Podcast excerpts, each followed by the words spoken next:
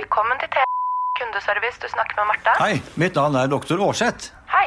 Hei, du, Hvordan kommer jeg i gang med fjernkirurgi over 5G, sånn som du har i den reklamen deres? Er det app eller Bluetooth? Bluetooth? Noen bygger 5G for fjernkirurger. Ice bygger 5G for det du bruker 5G til. I dag og i morgen.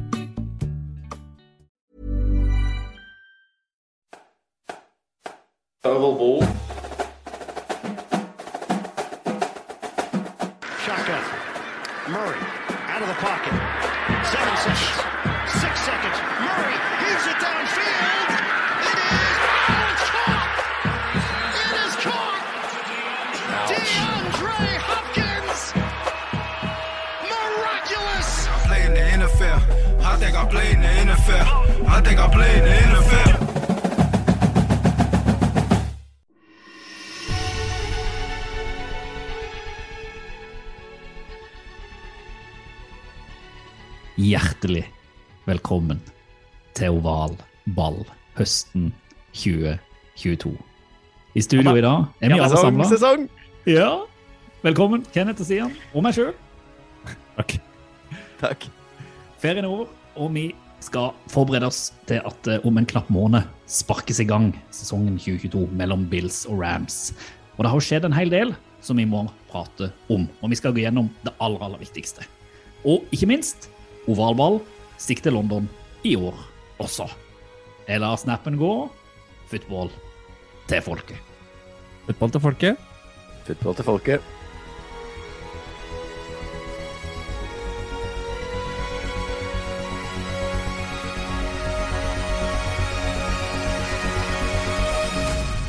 Vi pleier jo hver oval ballsending å liksom spørre litt hva, hva som har skjedd. Har det skjedd noe spennende eh, siden sist? Og jeg tror, Kenneth, at denne gangen så tror jeg du, jeg tror du vinner denne spalten for evigheten. For det har skjedd litt mer i ditt liv enn det har skjedd i Mea Stian sitt liv eh, i sommer.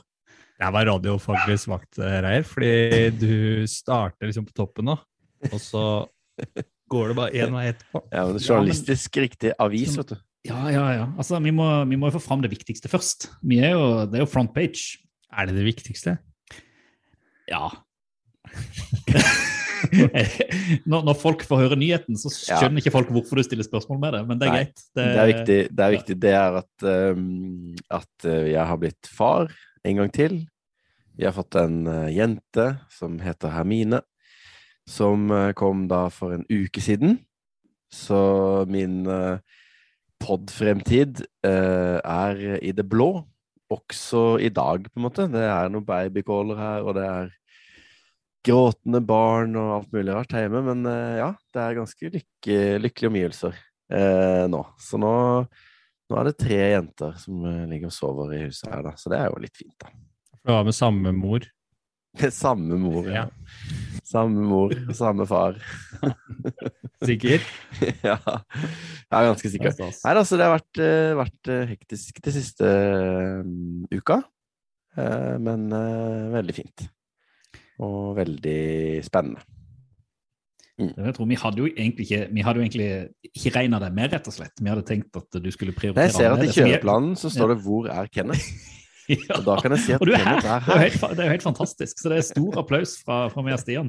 Vi hadde tenkt at dette skulle bli et sånn toman-show nå framover, fram til du hadde fått stabilisert eh, familien på, Det er vel kanskje nå, nå er jeg fortsatt i perm og sånn, så det er jo kanskje nå det er det mest stabile. Så vi får jo se hvor mye jeg kommer til å bidra utover høsten, men jeg prøver jo så ofte jeg kan. Eh, og det kan hende at jeg holder ut hele denne sendinga, men det er kanskje tvilsomt. Men bli med så mye jeg kan. Det er også sånn at uh, ferien er jo ikke helt over, selv om vi, vi sier at den er det. Så det er noe med når rutiner og Har du ikke en skolestarter også? Skole starter jo, så det er mye som skjer nå i starten, da. Men, uh, men eh, når vi kommer inn i det, så skal jo de fleste sove når vi rigger oss til med å spille inn pod. Skal det ikke det? Jo, du får legge det teorien, ja. tidlig nok, da. Mm. Bare legge det som rutine. Ja. Men sånn, eh, du da, Stian. Nå regner jeg med at du ennå har dine to små, og som er blitt ganske store. Eh, Men har det skjedd, skjedd noe hatt, hatt en fin ferie? Fin ferie. Nei, Det, er jo det skjer ikke noe spennende. Ikke utenlands, bare norgesferie på, på hytter og familie og bare fått lada batterier og ikke tenkt jobb og bare lest nyheter, hørt på podkaster og lest litt bøker og kost seg. Bada litt. Det har vært eh, egentlig beholdningen. Det er noe Ingen Jeg kan ikke toppe Kenneth sin nyhet, for å si det sånn. Det skal, det skal ganske mye til. Og du, Reir? er altså, Egentlig akkurat samme som det. Det vi ikke nevnte, det er at vi, vi avslutta vel som vi sier, vårsesongen med at vi skulle dra i bursdag til Kenneth. Ja, Eh, Og det, det må jeg si, stort, det var, det var stort. Og da få lov å dra til Grimstad sammen med det deg som møtet det. der nede, Kenneth. I, Ja. Det var sommerens høydepunkt, nesten. ja, det var en bra fest. Det kan vi Ja. si. Og en strålende fest. Så nå skjønner folk hvorfor det var en ordentlig stor fest når det viste seg hva du hadde i vente mot slutten av sommeren. Siste fest. Siste fest.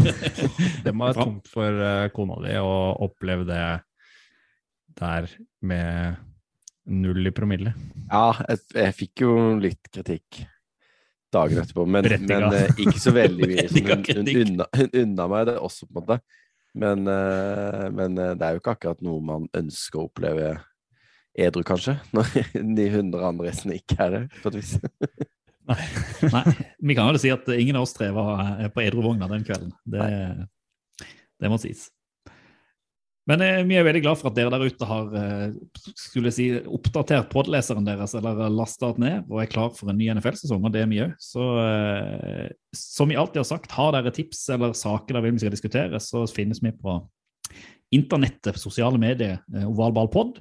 Og vi har jo en eh, e-mail, kontaktettovalball.no, eh, som vi gjerne vil at dere skal sende oss ting hvis dere har noe. Eh, og denne gangen har vi fått har vi masse saker, så jeg tror vi hopper rett ut i nyhetsskrytet.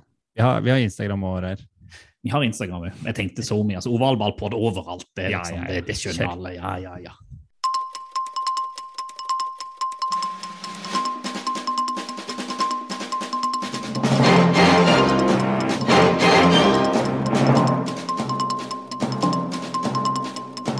Det har vært en lang sommer. Det har vært eh, lite NFL, i alle fall i norsk monitor, men eh, dere som lytter på oss der ute, har nok fått med dere at det har skjedd ganske mye. I alle fall de siste ukene. Uh, og et par følgetonger som vi har uh, diskutert mye her i Oval Ball, har fått en, om ikke en konklusjon, det har i hvert fall gått et godt steg videre. Og den første føljetongen som vi egentlig er pisslei av å prate om, men som jeg føler at vi må prate litt om, det er Deshaun Watson-saken, og hvor det nå har kommet en dom eller en suspensjon, eller har det egentlig det, Stian? Um, søndag kveld kommer nyheten, eh, amerikansk tid, om at eh, Hva skal vi si? De sakene som NFL har eh, granska selv, eh, de 24 eh, skal vi si, eh, ofrene som har saksøkt han for, eh, for uh, sexual misconduct og sexual assault, er det som uh, gjensto, som NFL sine egne etterforskere har, har undersøkt. Og nå har de et sånt system hvor de går via en egen utnevnt uh, Hva heter det? NFLs Player Association Appointed Disciplinary Officer, uh, som da er egentlig en Nesten en, som en dommer, vel? Som Ja, det virker som eh, jo mm. Hun var en sånn pensjonert dommer, eller tidligere dommer. Mm, eller som skal vurdere både bevisbyrde, og egentlig så virker det som det blir ført som en rettssak fra to parter. Eh, og det var vel en tredagers eh, tredagers eh, høring, Høring, ja. hvor de gikk gjennom, gikk gjennom bevis, og begge parter fikk høre, føre, sin, eh, føre sin sak. Og dommen forelå altså i går. Og den dommen lyder på at quarterback Sean Watson er suspendert i seks kamper eh, i eh, inneværende, altså kommende sesong, for å ha brutt av NFLs eh, personal conduct policy, som det heter. Og det er jo her egentlig spørsmålstegnene begynner å eh, synliggjøres, da, fordi at seks kamper for dette her, 24 saker. Han har jo sett 23 av de eh, og kommet til et forlik. Eh, likevel så er det fortsatt eh, snakk om brudd på liksom, NFLs eh, personal conduct rules som, som, gjelder her, og det å bringe egentlig NFL i, i vanry og sporten i vanry og, og hvordan han har forholdt seg til det å være NFL-spiller i denne organisasjonen. Og jeg kan jo si først at her er ikke siste ord sagt i saken. Da. Selv om han har fått seks kamper, så er det fortsatt lagt opp til sånt system at Roger Goodell Det er jo ikke en fullstendig rettssak i så måte som det går via rettssystemet. Så Roger Goodell, som sitter som uh, sjef for NFL, han har siste ord i saken. Og de hadde vært inne og sagt at uh, uh, Deshaun Watson skulle ha ett år. Minimum. Ja. De hadde innstilt på det. Ja, og også, nå ligger jo saken der at de har ja, Nå er det vel to dager de har på å eventuelt anke liksom, avgjørelsen til Sue L. Robinson, da, som er den, den uh, dommeren som har uh, satt ned jeg, bare, jeg syns det er så vanskelig å skjønne helt uh, gangen i det når NFL skal anke til seg selv på et vis. Eller sånn, det er jo, Altså er det Godell som til slutt avgjør likevel. Ja. Men uh, uansett så er jo seks kamper altfor lite. Det er jo ingen tvil om. Altså, ja, det har, jo, det har jo gått en tråd liksom rundt på, på Twitter med alle de utestengelsene NFL har gitt med var Calvin Ridley som har fått et år for å gamble på, seg, på, på at laget hans skulle vinne i, eh, når han ikke ja, det var jo ikke, han gambla jo ikke mye. Det var jo Nei, det var 1000 dollar. Det var nesten Ikke ingenting. Det var bare sånn svada-spett. da. Og, Og alle de, alle de suspensjonene for uh, type marihuana og sånne ting. Og ikke minst, altså eh, Hopkins fikk seks kamper, han òg, for uh, at de fant spor av noe, ja, ulovlig midler. noe, Mm. noe sånn eh, PAD, da. Men eh, Og det har vært, det har vært, mye, det har vært mye kritikk mot, mot dommen òg, for det, det, har blitt, altså det har blitt en sånn Istedenfor at NFL går ut og, og statuerer et eksempel, som de har gjort tidligere, eh, så Mm. har det jo blitt noen sånn deal med denne dommeren, så vidt jeg har skjønt, med denne Player Association, fordi at det skal beskytte spillerne i større grad. Det er Mm. derfor man har da blitt enige om denne gangen. Og at hun da har, hun har på en måte bekrefta alt som NFL har sagt. At ja, Mm. her har det vært trakassering, men det har ikke vært voldelig trakassering. Eh, og så har hun bare blitt presentert for fire av disse 26 eller 28 sakene, eller hva det har vært. Sånn at eh, hun har bare tatt stilling til akkurat de òg, jo ikke det totale bildet av hva han egentlig har blitt eh, beskyldt for. Uh, og så har det blitt, sant, da, og da blir det nesten mer en sånn type rettssak enn at det har, du ser praksisen retta mot andre typer saker. Og jeg synes jo det er interessant, jeg jeg leste en interessant kommentar på nfl.com, og det sier jo litt om at jeg tror at NFL kommer til å gå inn og gjøre det. For Judy Batista publiserer da på nfl.com en ganske beinhard Ja. artikkel mm. om her må NFL skjerpe seg, og henviser da til at James Winston han ble utestengt for tre kamper for inappropriately touching a woman. Mm. Altså, eh, det er det halve Deshaun Watson sin utestengelse for å ta på ei dame altså inappropriately, ikke sexual harassment engang. Og så har du tilbake i 2014 hvor eh, Ray Rice ble suspendert bare for to kamper etter å ha slett eh, altså, sparka eller slått sin egen eh, altså, kjæreste ut av en heis i et hotell. Og det, det eksploderte jo. NFL ble jo altså Det er liksom den siste saken de har hatt hvor det har vært sånn skikkelig skikkelig kritikk. Og han har jo ikke spilt i NFL siden, selv om det liksom det gikk fram og tilbake. Så, så NFL det er liksom nesten sånn NFL sitt rykte som står og henger her, at hvis de opprettholder dommen sånn som det er nå, så tror jeg liksom hele produktet kommer til å miste så mye verdi, og hele NFL kommer til å tape så mye kredibilitet at det, jeg kan ikke forstå noe annet enn at de er nødt til å opprettholde det de har innstilt på, i alle fall et år, for at, det, for at de liksom ikke skal gi hele denne her metoo og, og det han tross alt har gjort, eh, er mye verre enn å gamble på sitt eget lag, selv om det òg setter NFL i vanry. Eh, Du har, altså- du har jo flere liksom, faktorer som gjør, som gjør saken her veldig vriene, for du nevner jo den Rice-saken, Reier. Og i tillegg så, i vanlig liksom, rettspraksis, så sammenligner man det med tidligere saker for å se hvordan man skal utmåle straff, for å finne noe som virker legitimt å, å straffe for. Og her har jo eh, den dommeren både liksom, godkjent og egentlig tatt uh, eh, skal vi si, handlingene som Deshaun Watson har, skal ha gjennomført, sett som det som mer sannsynlig enn at det ikke er sannsynlig at det er blitt gjennomført. ikke sant? Mm. Men har ikke noe sammenligningsgrunnlag hva gjelder å utmåle en straff som tilsier så mange eh, saksøkere da, og, eh, og ofre. Og det gjør saken, gjør saken vanskelig. Og jeg er jo helt enig med dere i at eh, det, burde nesten vært eh, seks kamper per offer, på en måte. Eh, for å rettferdiggjøre og sette en tydelig, tydelig standpunkt etter alle de altså, politiske sidene som, som den saken her rammer. da. Og så ble han vel i dommen også pålagt å heretter kun bruke massører godkjent av klubben eller NFL eller annet sånt. ikke sant? Sånn at det er jo det er jo en åpenbar anerkjennelse av at eh, det faktisk har skjedd, da. Ja. Eh, men allikevel så lander det, landes det på seks kamper, som jo Ja, det føles eh, ut som en hån, da, mot de eh, de ofrene, da, som man jo har lest mye om, og som har f- kommet til orde i en del artikler som, som vi har lest, da. Mm, det har jo å høre på. Altså, nå sitter jo ikke vi med, med innsyn i de rapportene og det som ble skrevet etter, etter eh, høringen her ble gjennomført, og hele domsavsigelsen da, som, som skal ha blitt nedtegna og utlevert til, til flere journalister som har, eh, som har tatt opp.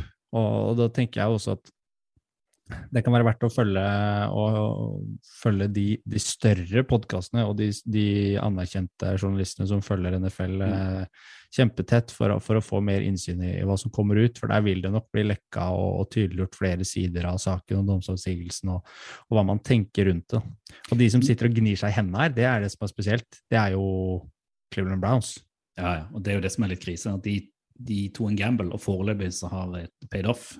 Eh, og det jeg kanskje ja, Det er ikke det verste, da, men det som gjør denne saken enda litt mer sånn altså, sånn ekstra ekstra vond smak i munnen, det er at Sean Watson, hadde han vært altså La oss si han hadde vært en angrende synder, synder i alle fall, så er det sånn Han var ikke det heller, ikke Han sant? har, ikke, han, han, har, sagt- han, har, aldri, han har aldri gjort noe galt. Han mener han alt Nei, han kjørte vel, og det Ja. kom vel fram av, av eh, rapportene også etter eh, i domsavsigelsen, at han ikke, ikke viste noe tegn til anger. At den holdningen han fremførte, var en sånn Ja, jeg beklager at du opplevde det sånn.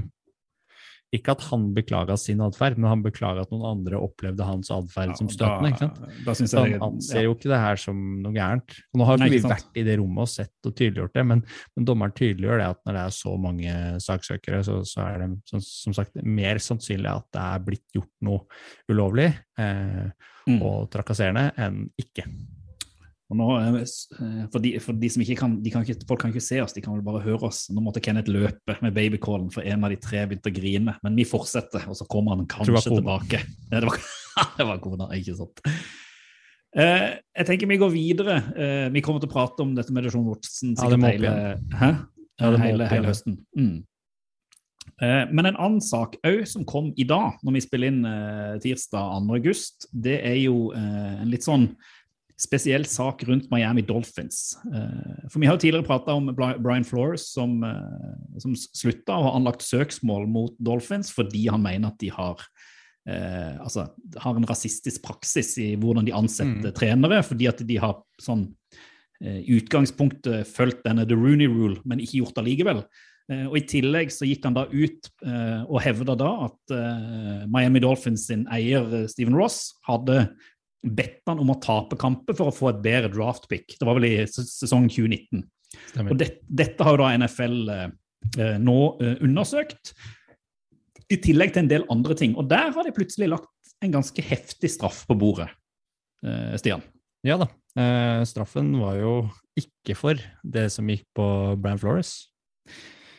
Men, Nei, for Brian- det, det men mente de ikke var bevisst. De kunne ikke Nei.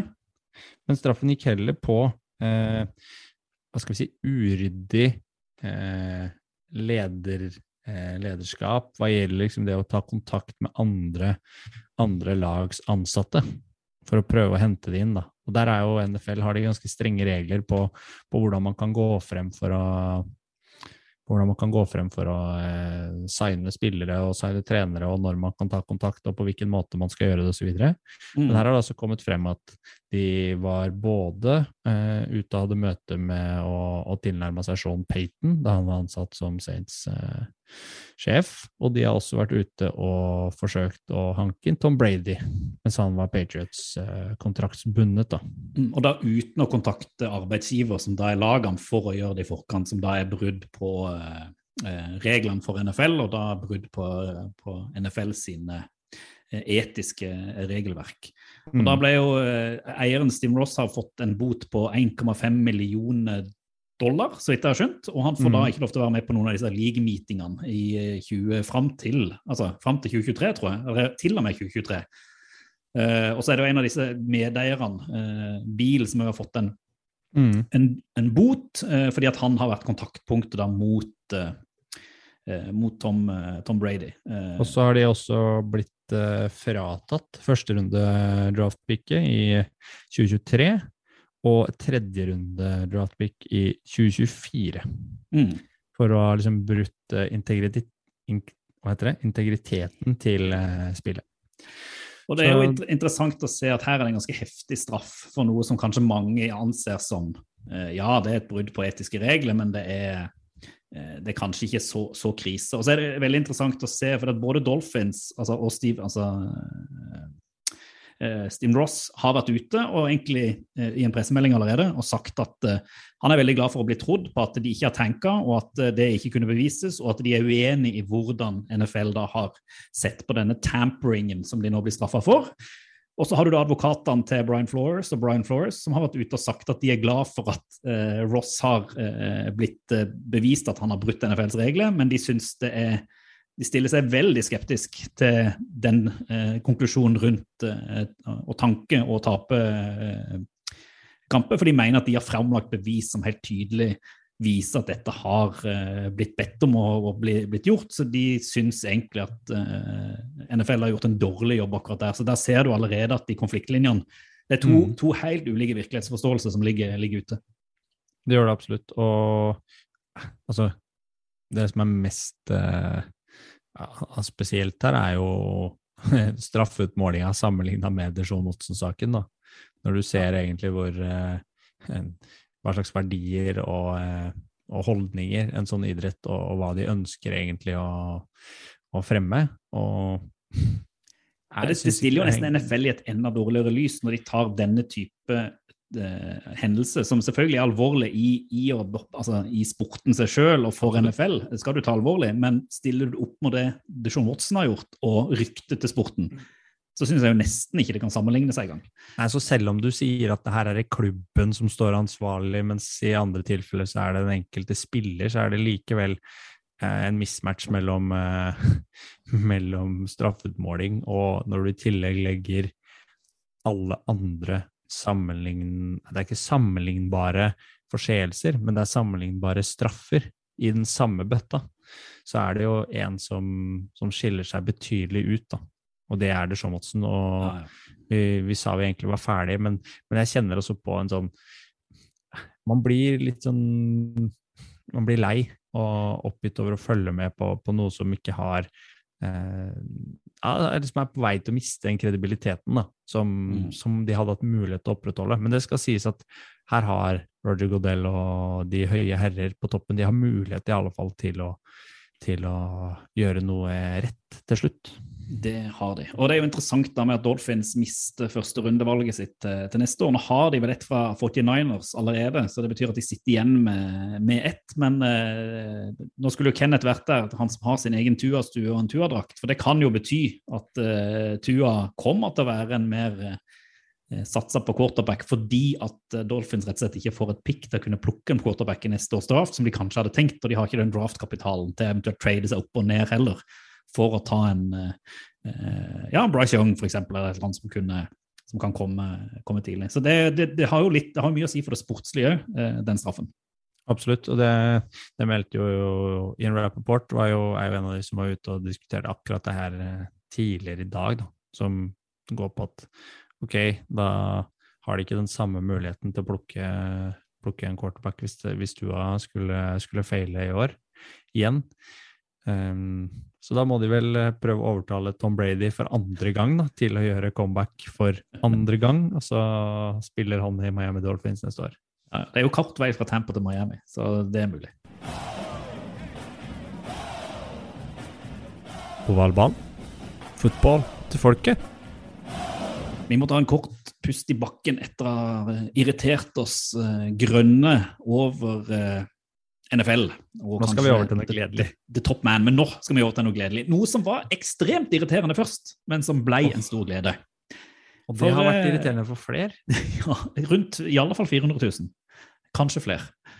Eh, For det skal jo ikke nektes at eh, Mio Valball hadde et stort mål om å i år komme oss til München for å se kanskje den eneste muligheten vi har til å se Tom Brady live. Eh, Bucks skulle møte og nå står det helt stille på hvem de skulle møte i München. fordi at Jeg ble så irritert at eh, jeg droppa det. Men det får bare være. Seahawks. Seahawks, ikke sant? Drew Lock mot Tom Brady. Ja. Og det skulle vi eh, få billett til, Stian. Men det var et par andre som hadde lyst på de billettene. Ja, for vi fulgte reglene, vi. Signa opp og skulle få beskjed om når vi kunne gå inn og prøve å få billetter. Yep. Problemet var jo at vi var nummer 400 283 i køen. i køa. Og det var så interessant, det var at vi, klokka halv ti så kunne du klikke på en knapp, og så kunne du liksom join the queue. Og jeg trykka vel liksom 09.30,01, altså ett sekund over. Da havna vi 400 000 i køa. Og så hadde vi en sånn lite håp om at det skulle ordne seg. Men når det var 350 000 plass, så var det bare sånn melding nå jeg er billettene hadde ikke håp Nei, nei, nei. Det var bare å følge med helt til det var utsolgt, sånn just in case. Det var det. Og det var jo helt håpløst. Og det var det flere som reagerte på, for det må være et eller annet kluss i det billettsystemet som vi kanskje fant ut av når billettene til, eh, til eh, de to siste kampene i London ble lagt ut uka etter. Ja. Eh, For det viste seg vel at det var mulig å gå inn på den lenka før klokka ble halv ti. I alle fall at det hadde noe å si når du loada den sida, tror jeg. For det vi gjorde når vi skulle inn og kjøpe, se om vi kunne få billetter til, til London, var at vi gikk inn på den sida halvannen, to timer før du kunne stille deg i kø. Uh, og så tror jeg vi da, allerede da kunne vi jo joine kua av en eller annen grunn. Og det var sånn interessant, for da havna vi bare på sånn Var det 20 000 plass? 40 000? Mm. Jeg husker ikke. Ja, noe rundt der. Ja. Uh, og satt der, og så tok det jo ganske lang tid før vi kom inn, men vi kom inn. Uh, jeg lå litt foran det. Og sleit veldig da, for det er jo den typiske. Du kommer inn, og så skal du da finne to billetter på de beste plassene som er igjen, ved siden av hverandre. Det var ganske vanskelig. Det Ja, folk flere som sleit med. Skulle jo ikke bare ha én eller to, sånn som vi skulle ha. Vi skulle ha For Kenneth kan jo ikke være med. Nei, han har på en måte sagt han har ting som skjer på hjemmebane. Så vi skulle bare ha to billetter. Vi kunne sikkert kjøpt flere, og, Kunne nok det. Men vi gjorde ikke det denne gangen. Eh, ref fjorårets eh, forsøk på å selge og kvitte seg med den ekstrabilletten. Eh, Hospitality. Mhm. Mhm. Dette her var ikke hospitality. Nå gikk vi for eh, folkebilletten. Mm. Det var det vi gjorde.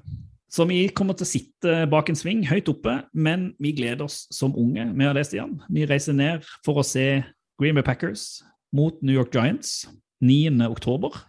Eh, og det tror jeg blir kjempestas. Skal sikkert få med oss litt rundball òg mens vi er i London òg. Mm. Og det, er jo, det går jo to andre billetter i kamper også i, eh, i London. Mm. En på, på Wembley, den går vel litt tidligere. Mm. Det var Broncos mot uh, Ja, Står det stille for meg? ja, det var i hvert fall eh, Og så var det Vikings i den andre. Uh, Ja. Var det ikke det? Vikings og Saints, eller? Ja, jeg tror det. Som gikk på Tottenham eh, Hotspur litt grann senere. Det gikk to, en uke før vi skulle ned. Så det kan jeg jo bare si til dere der ute. Hvis det er andre som skal til London for å se Packers mot Giants, så send oss en, eh, en DM på Twitter eller eh, Instagram, eller send oss en mail. Så eh, hooker vi gjerne opp rundt stadion mi for å ta en øl eller tre før eller etter. Det er jo bare stas. Altså, nå fikk jeg tenkt meg litt om. Minnesota Vikings mot New Orleans Saints den går eh, 2. oktober. Det går Ja. på Tottenham Hotspur Stadium. Og så skal vi ned og se nevnte kamp eh, 9. oktober på Mhm. Tottenham Stadium. Og så går Broncos Jaguars. Den går på Wembley 30. oktober. De billettene Sånn ble lagt ut tidligere. Mm. Så eh, da er det muligheter. Kanskje noen flere har fått. Eh, Det så sånn ut eh, at flere av de norske som vi har kontakt med på Twitter, hadde i hvert fall fått tak i billetter til, eh, til London heller enn Mm. München. Men det var mye rants om Ja, det var det. eh, Spesielt fra engelskmenn, som gikk inn Akkurat. Jeg Ja, ja, ja. litt mens vi satt i kø der, og det var kaos. Men jeg, jeg håper det betyr at det kanskje kommer flere kamper i München. For det at uh, den uh, interessen rundt NFL i, i Tyskland tror jeg er enda større enn den er i London. Når du ser uh, det trøkket på de billettene. Nå kan det ha kanskje hatt noe med Tom Brady å gjøre men allikevel. Kanskje Det, var, det hadde med noe bots å gjøre òg? Det, altså det kan godt være. Det var helt, det var, jeg var nesten litt overraska over hvor stort trøkk det skulle være. At ikke det skulle være så crazy. Men det, det var det. Men Jeg eh, syns det gikk knirkefritt å få billetter sammenligna i fjor, da. Ja. Det var jo noe covid i fjor, da. Det skal du ikke se bort ifra. Så nå er det mange som kanskje reiste, som ikke vil reise. Jeg var jo en av de som ikke reiste, takka være coviden i fjor. Ja. Mm. Du var redd? Jeg var redd. Jeg skalv i buksene. Men uh, tror du covid blir et uh, problem i år, da? Ja, men vi ordner det. Konge. Så det blir stas. Vi vi skal på tur, så det skal dere selvfølgelig få eh, høre mer om og sikkert se mer om i våre sosiale medier når vi drar nedover i, i oktober. Og, og så tenker jeg jo at vi må nevne litt eh, NFL, sånn der short news. Og jeg begynner litt på det man kan si er kontraktsfornyelse eller slash bytte av lag. For det har vært mye følgetong. Kyla Murray Har man diskutert. Han har endelig signert en kontraktforlengelse, har satt sitt stempel på den og er knytta til Arizona Cardinals nå mange år framover. Den andre store føljetongen, som eh, de som følger det på Twitter, har sett at du er happy for, det er at Debo Samuel nå endelig har blitt enige om en treårs forlengelse, som eh, gir han 73,5 millioner dollar. Det er du fornøyd med, Stian? Det er vel mer enn det Ryan Tannehill eh, fikk som QB-kontrakt, tror jeg. Ja, ikke sant? Så nå har det gått dit hen at eh, at eh, wide receiverne får eh, like mye penger som skal vi si, de nest beste quarterbackene. Mm. Og det er en slags Hva skal vi si? Det er jo et, en milepæl, det.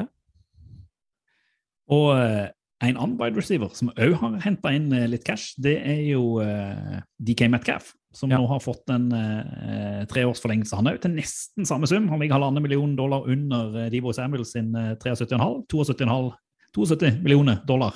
Jeg tror de de har samme årene. agent også.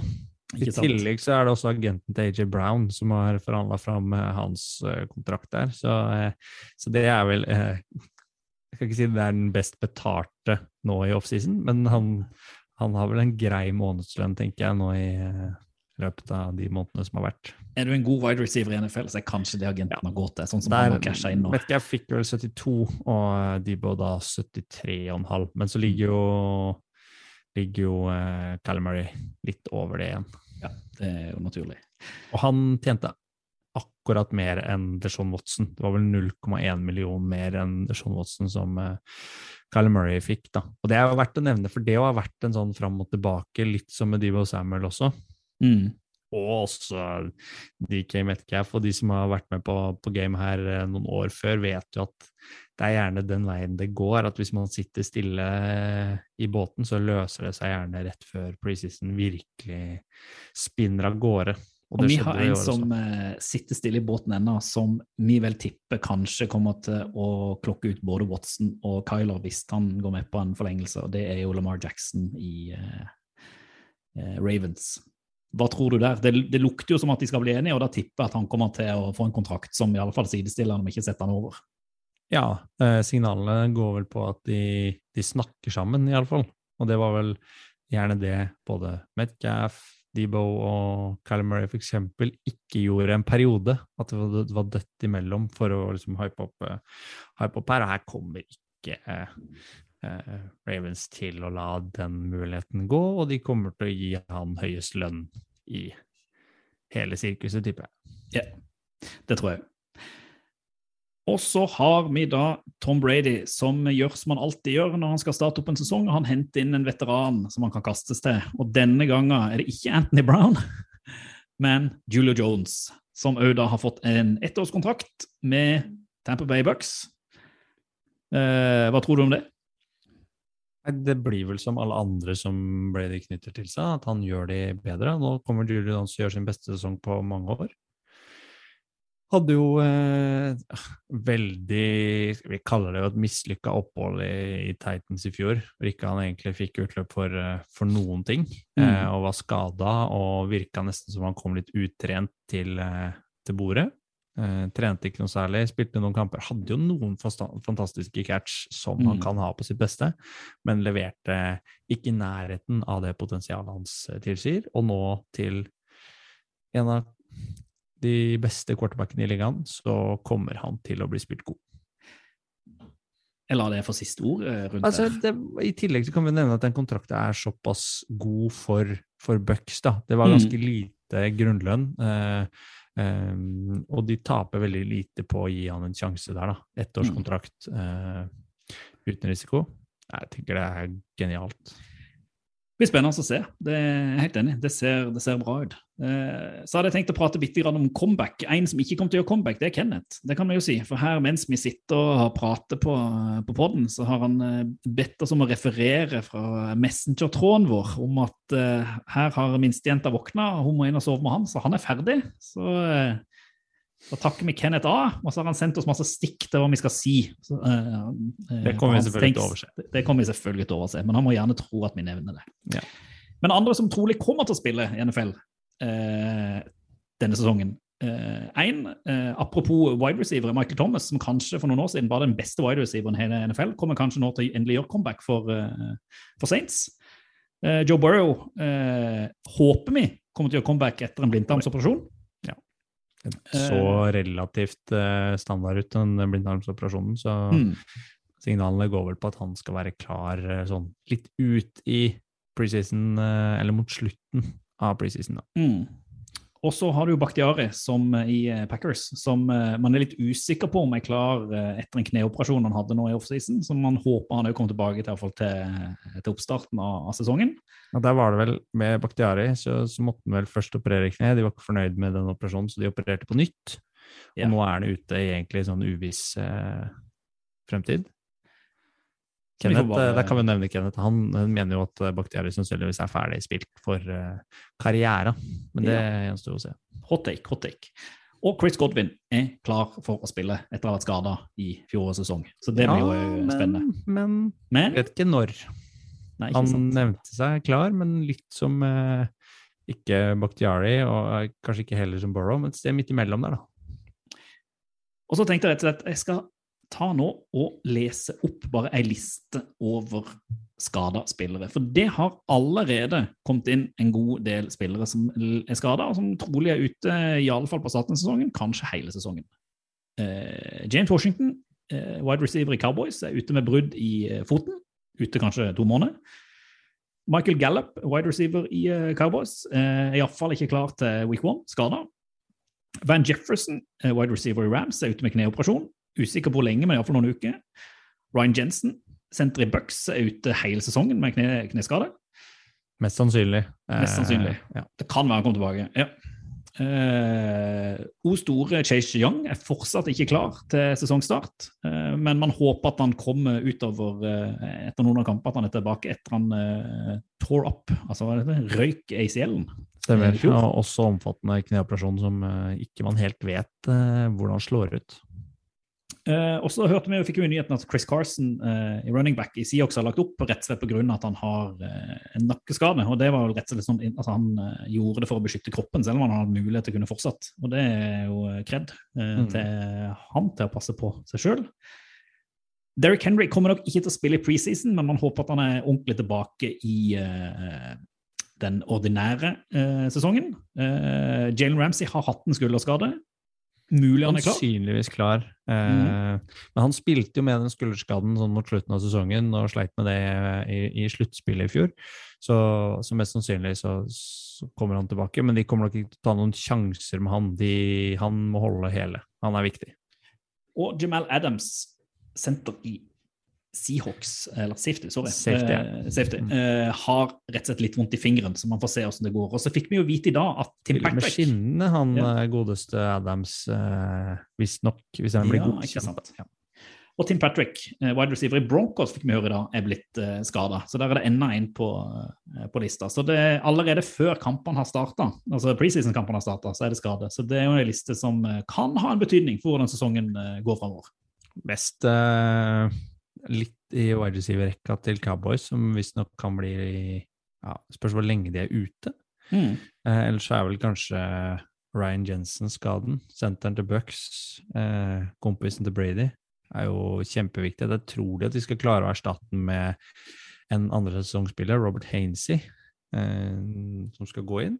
Hvis ikke de klarer å hente inn en på free agency. Det finnes et par alternativer som fortsatt, eh, fortsatt er åpne. Men jeg anser jo kanskje de to som de viktigste eh, langtidsskadene. Selvfølgelig med, med Bakhtiari, da, som ikke man eh, vet om eh, hvor lenge er ute. Og der mangler jo, mangler jo Packers eh, lite grann viktig. Ja, hvis ikke. Og som en sånn siste eh, liten drops på nyhetsspalta, så har vi sånn trivia-nyheter som vi har plukka opp her og der. og De er ikke viktige, men de er noe artige. Og eh, Andrew Whitworth, som eh, ble ganske legendarisk da han vant Superbowl i fjor, eller det ble vel i år, men sesongen i fjor, hvis det går an å si det sånn, med familien og alt, han skal være med og drive TV. Det Er en av de koseligste nyhetene vi har lest i sommer? Mm. Skal være med i uh, Thursday Night Football. Ja. Og bidra for eh, Er det Amazon som har det? Ja, jeg tror det er Amazon Prime ja, som har den, eh, Mm. har den nå. Mm. Sidelinjereporter sammen med koselig. Talib. Han kommer til å få mye gode intervjuer, mye, for han er jo en Alle liker Andrew Whitworth. Ja, det er vanskelig å mislike han. Og for dere som sitter og følger med på Formel 1 der ute, så eh, har Louis Hamilton ikke vunnet så mye billøp i det siste. Så han har tenkt at han har lyst til å vinne litt fotballkamper isteden. Så han har rett og slett kjøpt seg inn i et NFL-lag. Nettopp. Denver Broncos, og den nyheten kommer det også i dag. Jeg tror det. Så det er jo spennende å se hva han kan bidra med der. De har jo ny ja, for de har, eh, Russell Wilson. De har jo nye eiere i Broncos, og det er jo dette her konsortiet da, som har Mhm. solgt en del til Louis Hamilton. Så det er jo interessant hvordan de da bygger seg opp med å la kjente folk der ute få kjøpe en bit av klubben, eh, og, og prøve å bygge et, en merkevare der. Eh, og er Russell Wilson inne, som du sier. Så det kan bli spennende å følge. Ja, en ting som vi glemte litt å nevne i stad, nå skal vi snart over og snakke litt om eh, Callum Murray, Murray kjapt igjen, men den kontrakten hans den fikk jo litt eh, furore når vi snakka om eh, at han fikk eh, endelig penga sine, og, og Cardinals signerte jo både Steve Kime og han eh, headcoachen som heter Kingsbury også, på femårskontrakter. Eh, men en av klausulene som, som lekka da fra Ian Rappaport, det også, tror jeg, var vel at han hadde fått en studie eh, Altså en grense eller en eh, Hva sto det?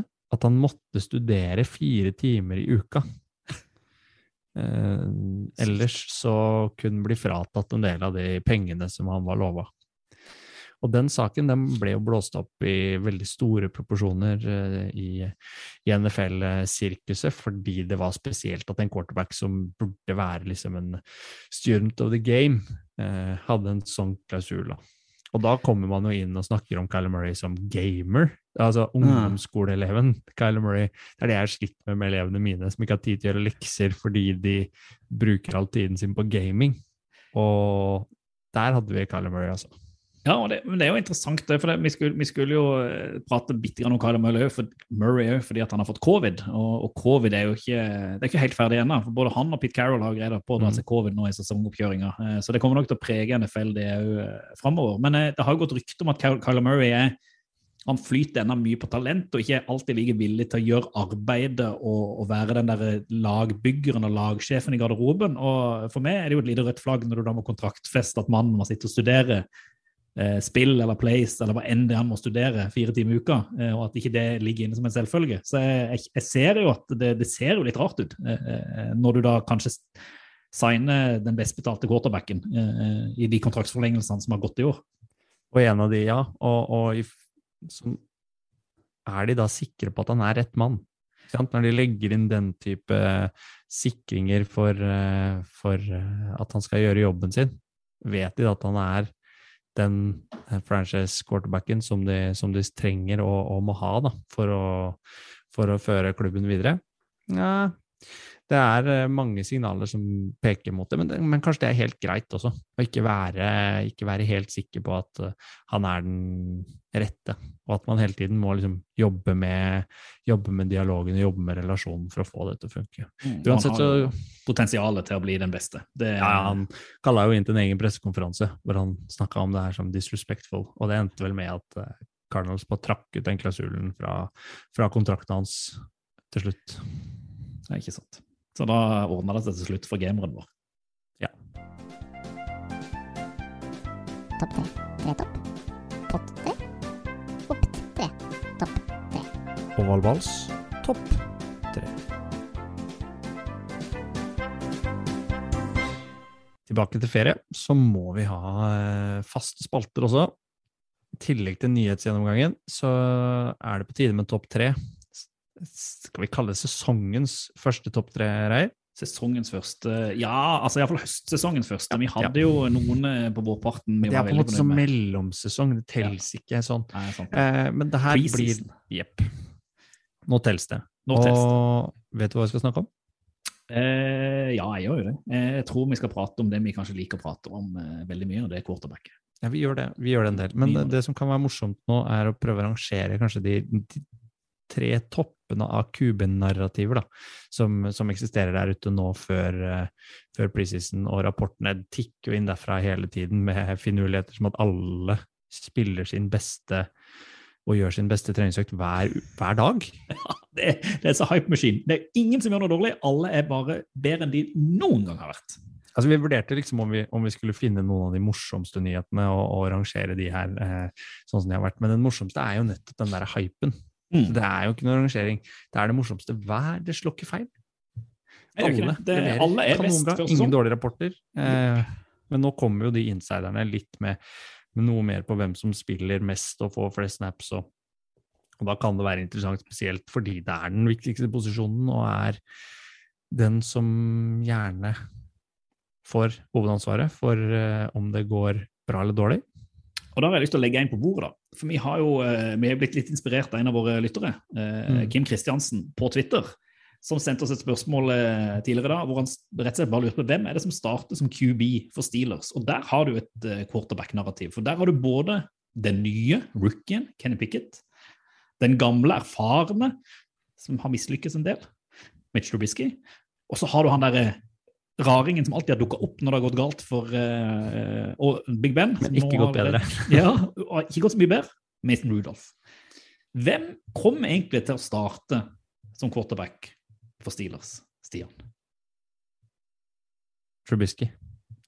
Jeg tror han starter fordi han har mest erfaring. Så tror jeg det går for han. Eh, og så tror jeg faktisk eh, Pickett er eh, andrevalget og får sjanser. Og så tror jeg Mason Rudolph eh, må sitte. Mm. Jeg du tror tror, du tror det at, eh, men tror du at Trubisky, hvis han har et par dårlige kamper i starten, blir uh, kasta ut, og så får Pickett lov til å spille seg inn? Mm, At han bare varmer litt den pocketen de første rundene for eh, en Pickett som de har eh, troa på skal gå, eller jeg tror de er veldig likestilte?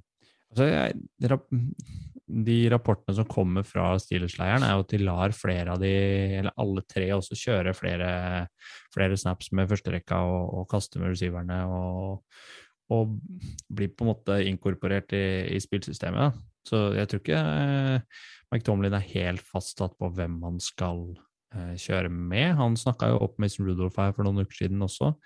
Så jeg, jeg tror rett og slett han går for Trubisky fordi det virker som det safeste valget av de tre. Eh, så er Kenny Pickett morsom, lovende, den hjemvendte sønnen som kanskje skal overta stafettpinnen etter Roethlisberger på sikt. Altså, de Mm. håper sikkert på det, eh, men han Det kommer nok for, for tidlig å, å starte å spille fast eh, kommende sesong. Eh, så jeg tror han og Trubisky kommer til å bytte litt på, og så får nok Rudolf veldig lite muligheter. hvis ikke det er skade. Det er interessant at du er, at du er enig med Kenneth, for jeg tikker inn meldinger på mobilen mens han ligger og prøver å få ungen i, i, i søvn om at han, eh, hans take er i hvert fall at Trubisky kommer til å starte og ta Steelers til playoff. Det er han helt sikker på. Så får vi se, eh, se om det stemmer. Eh, Men Jeg har en du, jeg, da.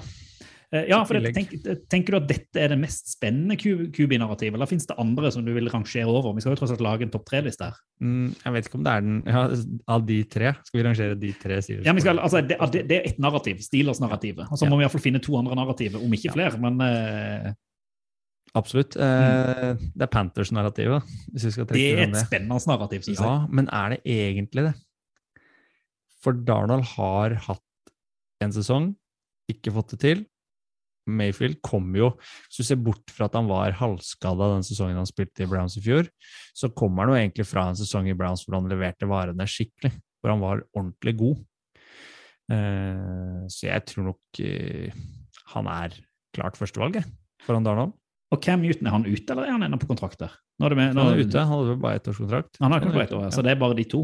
Men jeg lurer jo på der, iallfall med Matt Rules, som virker, som jeg hadde stor tro på, som jeg er usikker på, det er at igjen da, hvis Baker starter opp sesongen sånn som han holdt på på slutten for Browns, Mm. eh, og, og Darnold da kan komme inn, og så får du en sånn der evig eh, sånn hamsterhjul hvor begge to bare spiller hverandre ned.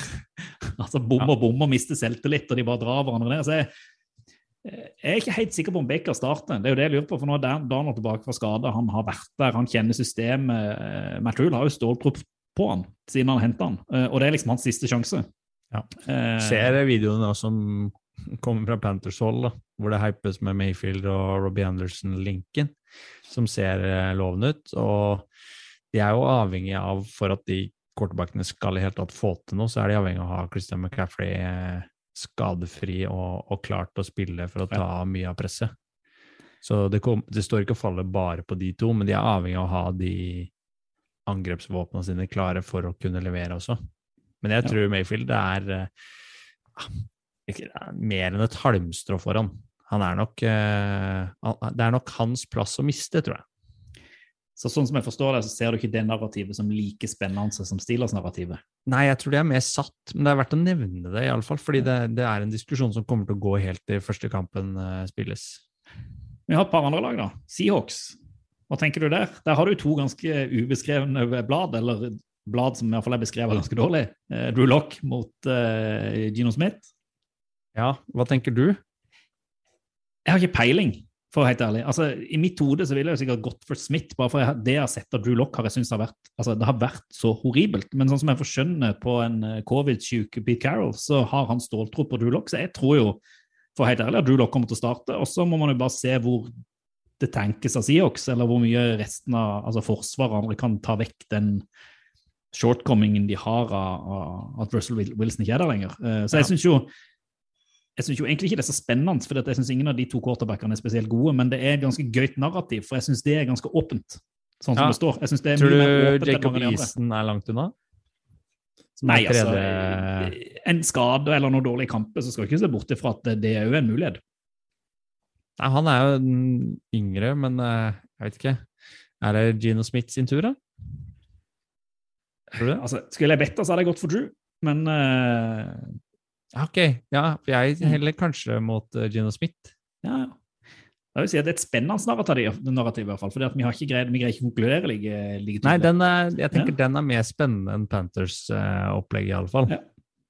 Og så har du Dolphins, som vi må snakke litt om i stad.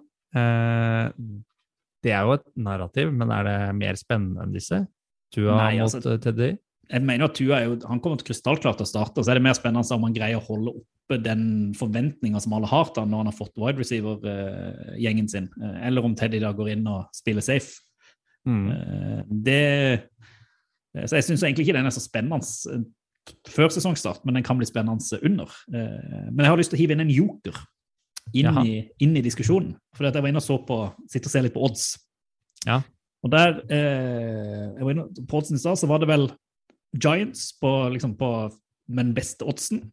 Eh, Cleveland Browns på andreplass med den nest beste oddsen. Og Seahawks på tredjeplass. Og hva tror du det var odds for?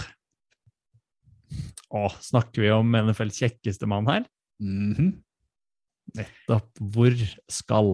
Jimmy G? Yes. Ja, for det, det narrativet som vi, vi tegna opp her veldig tidlig, om det var i våres, da, det handla jo om hvem som skulle starte for 49ers. Og der har jo Mhm. det vært utvilsomt. Det var vel i forrige uke, så, så gjentok Kyle Shanahan at uh, Jimmy G er ute.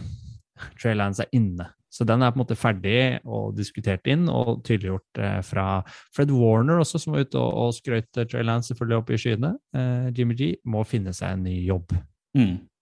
Og han er småskala, er ikke helt tilbake etter eh, også en skulder, eh, skulderskade, vel. Og hvor ender han? Jeg, jeg, jeg vet ikke. Det kommer jo an på. Og sannsynligvis, han sitter jo i en veldig dårlig posisjon, da. Og er vel kanskje avhengig av at et av de andre førstevalgene skal gå på en skade tidlig for at han skal få jobb. Altså, jeg, jeg liker jo litt den oddsen på, spesielt siden vi skal til, til London at Giants henter han inn for å ha en reell konkurrent til, til Daniel Jones. For dette er liksom siste sesongen han har til å overbevise om at han, han kan, kan være der. Og at uh, Jimmy G da kan gå inn og ta den, ta den plassen. Leve New York-livet. Uh, Ja, det kler han jo sikkert. Ikke sant? Uh, Men hva slags det- kontrakt tror du han får, da? Er det ett år? Tre år?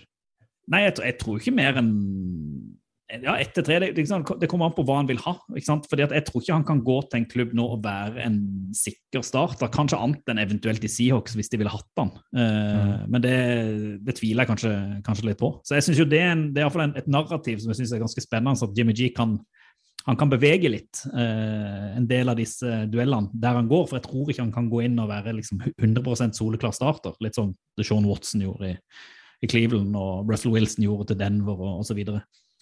Nei. Eh, Og vi, vi fikk jo også avklart eh, de andre narrativene som gikk på både, både Russell Wilson, de gikk på Kyle Murray, det har liksom gått på flere av de, Ja. flere av de andre rundt om. Eh, den ene som Det går ikke direkte på quarterbacken, men det går liksom på selve laget, som jeg tenker er kjempespennende. Og det er Hvor lang tid tar det før Aaron Rodgers klikker på wide receiver-rekka si?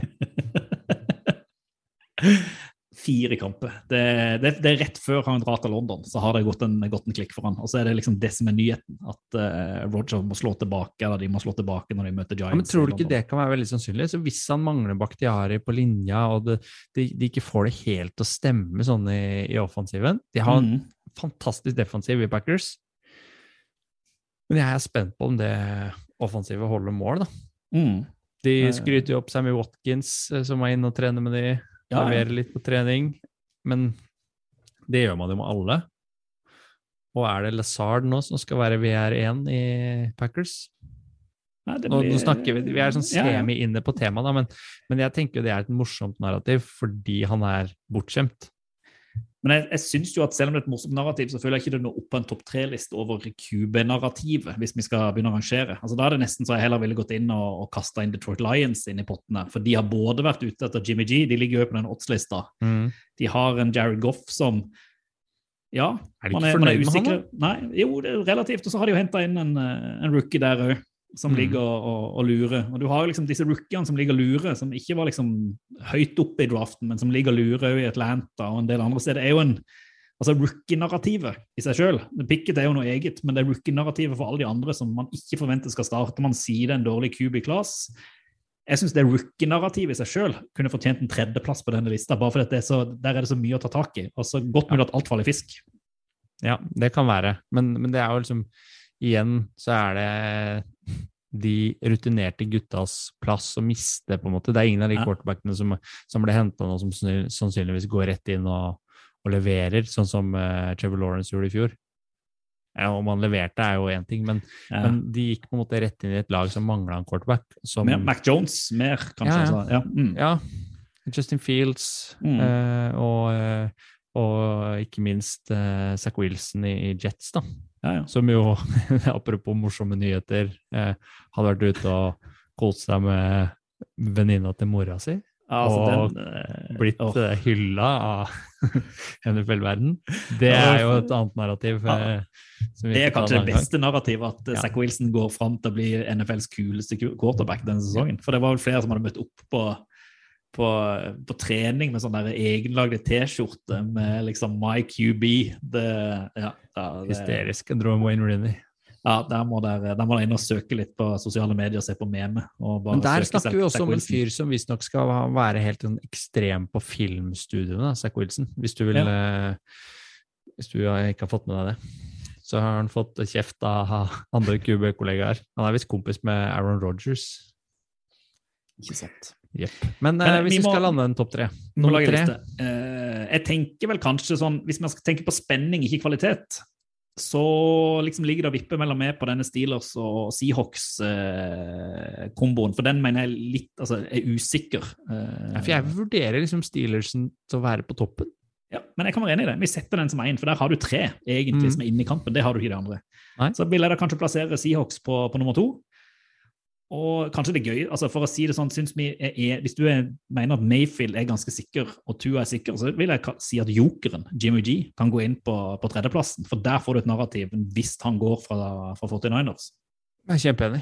Mm. Kjempeenig. Eh, jeg syns både Tua og Mayfield som sagt er, eh, er eh, startere, og det kommer de til å se, de andre òg.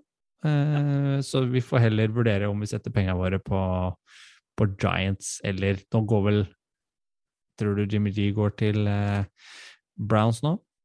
Nei, kanskje Houston Texans òg, da. Det er en mulighet. Kanskje, men de har sjiraffen din, vet du.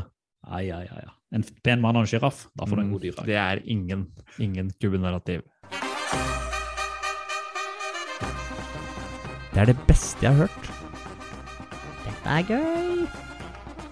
Det der, det er fett. Oval ball anbefaler. Vi må anbefale også. Det har vært en lang sommer. Vi har slukt eh, NFL-stoff. Og en ting som har eh, utmerka seg spesielt, Reier, det er vel noe du har hørt på. Ja, det er jo Jeg hører ikke like mye podkast som, eh, som det Kenneth. Eller nå vet jeg ikke hvor mye podkast Kenneth får hørt mens han ligger og, og vogger sin vakre datter i søvn. Men eh, dere har jo tipsa meg flere ganger om Athletics sin uh, fotballpodkast, som jeg ikke har hørt så veldig mye på. Men så kom jeg da over i sommer at de hadde laget en sånn spesial, altså spesialserie på seks episoder, hvor de da gikk inn og så på karrieren til Andrew Luck, som da ble drafta til Indianapolis Colts og da skulle erstatte den o store Peyton Manning når han ble trada vekk til, Denver Broncos. Og dette her var eh, det, Grunnen til at jeg syns det var så interessant, er at dette, dette er jo ganske nylig. altså det er jo han, han begynte i NFL for 6-7-8 år siden. 2012-2013 eller noe sånt.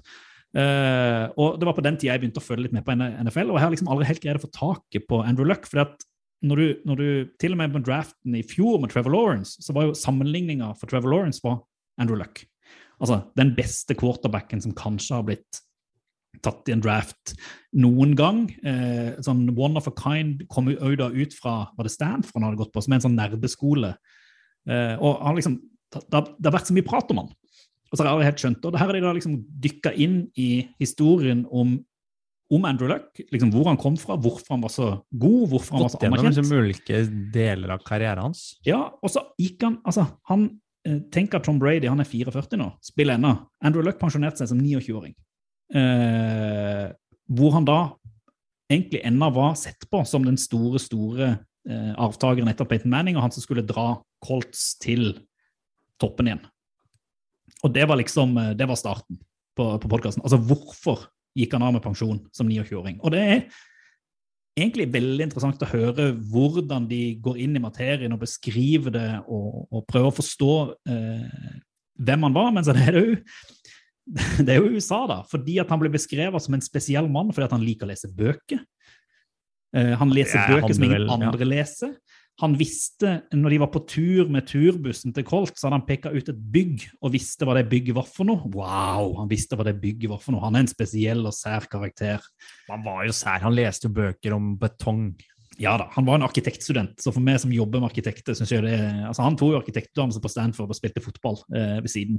Eh, og var jo en quarterback som elska spillet og ønska å spille, og det er jo litt av grunnen. Nå skal ikke vi gå inn i dybden til at han måtte legge opp, fordi at han spilte ikke som en quarterback burde spille. Han spilte både quarterback og guard og left tackle. og altså Han spilte alt, han, da han spilte. Men en utrolig altså Athletics sin podkast i seg sjøl er bra, men jeg syns den dokumentarserien er verdt å høre for folk som har lyst til å få et litt sånn ordentlig innblikk i, i Andrew Luck, hans historie, og hvorfor han har enda en sånn aura rundt seg som veldig få andre quarterbacker har i, i ligaen. Fordi at han rett og slett er en spesiell kar.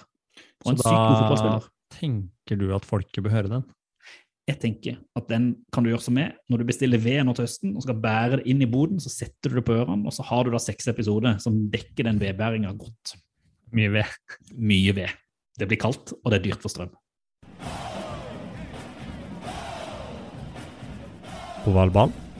Fotball til folket. Det var godt å forsamles igjen. Selv om Kenneth sin uh, visitt sikkert er litt sånn symptomatisk for uh, denne Det er sånn her det blir. Han kommer til å svikte oss uh, oftere og oftere. Ja, duk- Mer enn dukk inn- vanlig. Kom innom, si noe, stikk av sted, eller ikke dukk opp i det hele tatt. Så det blir jo det blir nok et uh, tomannsshow utover høsten. Eh, men det har vi gjort noen ordninger med. Ikke helt, da. Vi, vi har en, eh, gjort en deal med, med Sander Darling, eksempel, som skal inn og snakke litt college og litt fantasy sammen med oss, eh, oftere enn i fjor. Mm. Eh, Pontus skal vi få huka tak i. Eh, og vi, vi har sannsynligvis andre gjester også på, på trappene som, som skal være med og eh, gjør dette her litt mer levende enn, at du og jeg skal sitte og plapre Det hver tenker, tenker jeg. Men Eh, vi legger jo også opp til en sånn Når sesongen er i gang, så kommer det nok til å ligne på det kjære som dere fikk i fjor. vi kommer til å prate om fotball. Det tipper jeg. Men det er jo Ja, Kenneth var vel klar på det også, at uh, det er sånn her det fort blir. Og det Jeg syns egentlig det er helt greit. Det, og så kjenner vi Kenneth så godt at han kommer til ikke greie å holde seg vekke. For han kommer til å synes dette her er så gøy. Og det, når du har en liten en hjemme, og eh, du ikke har så mye tid eller kveld eller noe, det finn en time fristed en gang i uka til å få lov å prate fotball. Så han kommer nok til å være her av og til. Tenker du det er lov å ha hun minste på, på armen, da. Ja da, hun må få lov å være med, hun òg, hvis hun har lyst. Ja. Det er ikke noe stress, det. Det ikke noe stress, det. Men da eh, gleder jeg meg til høstsesongen skal ta fatt. Og det gjør jeg jo. Nå må vi følge med på alle narrativene som kommer om hyper og spillere, og ikke minst den eh, QB-lista vår. Oh, det skal, vi skrives. faktisk følge opp litt. Vi må det. Vi må jo få lagt ut litt på eh, ovalball.no nå som sesongen starter, med litt takes på både det, det ene og det andre. Og eh, som alltid, tips oss på ovalballpod på våre sosiale medier. Kontakt etter ovalball.no. Hvis dere har noe dere vil vi skal prate om eller eh, ta tak i, så gjør vi jo selvfølgelig det. Eller droppe. Eller dropp det. Og hyl ut hvis du skal til London. For da har vi lyst til å hilse på. Takk for nå, Stian. Bra jobba. Takk til Kenneth òg, der ute i eh, ingenmannsland. Ja, Han får ikke noe takk fra meg. Nei, det er ikke greit. Og uh, fotball til folket. Fotball. Do the Titans have a miracle left in them in what has been a magical season to this point? If they do, they need it now. Christie kicks it high and short. Going to be fielded by Lorenzo Neal at the 25. Yeah, give it Pitches to- it, back to Wycheck. He throws it across the field to Dyson. He's got something. 30, He's got something. 50. He's got it. 40, He's got it. 20, 10. He's got it. End zone. Touchdown Titans. There are no flags on the field. It's a miracle. Tennessee has pulled a miracle. Velkommen til T kundeservice.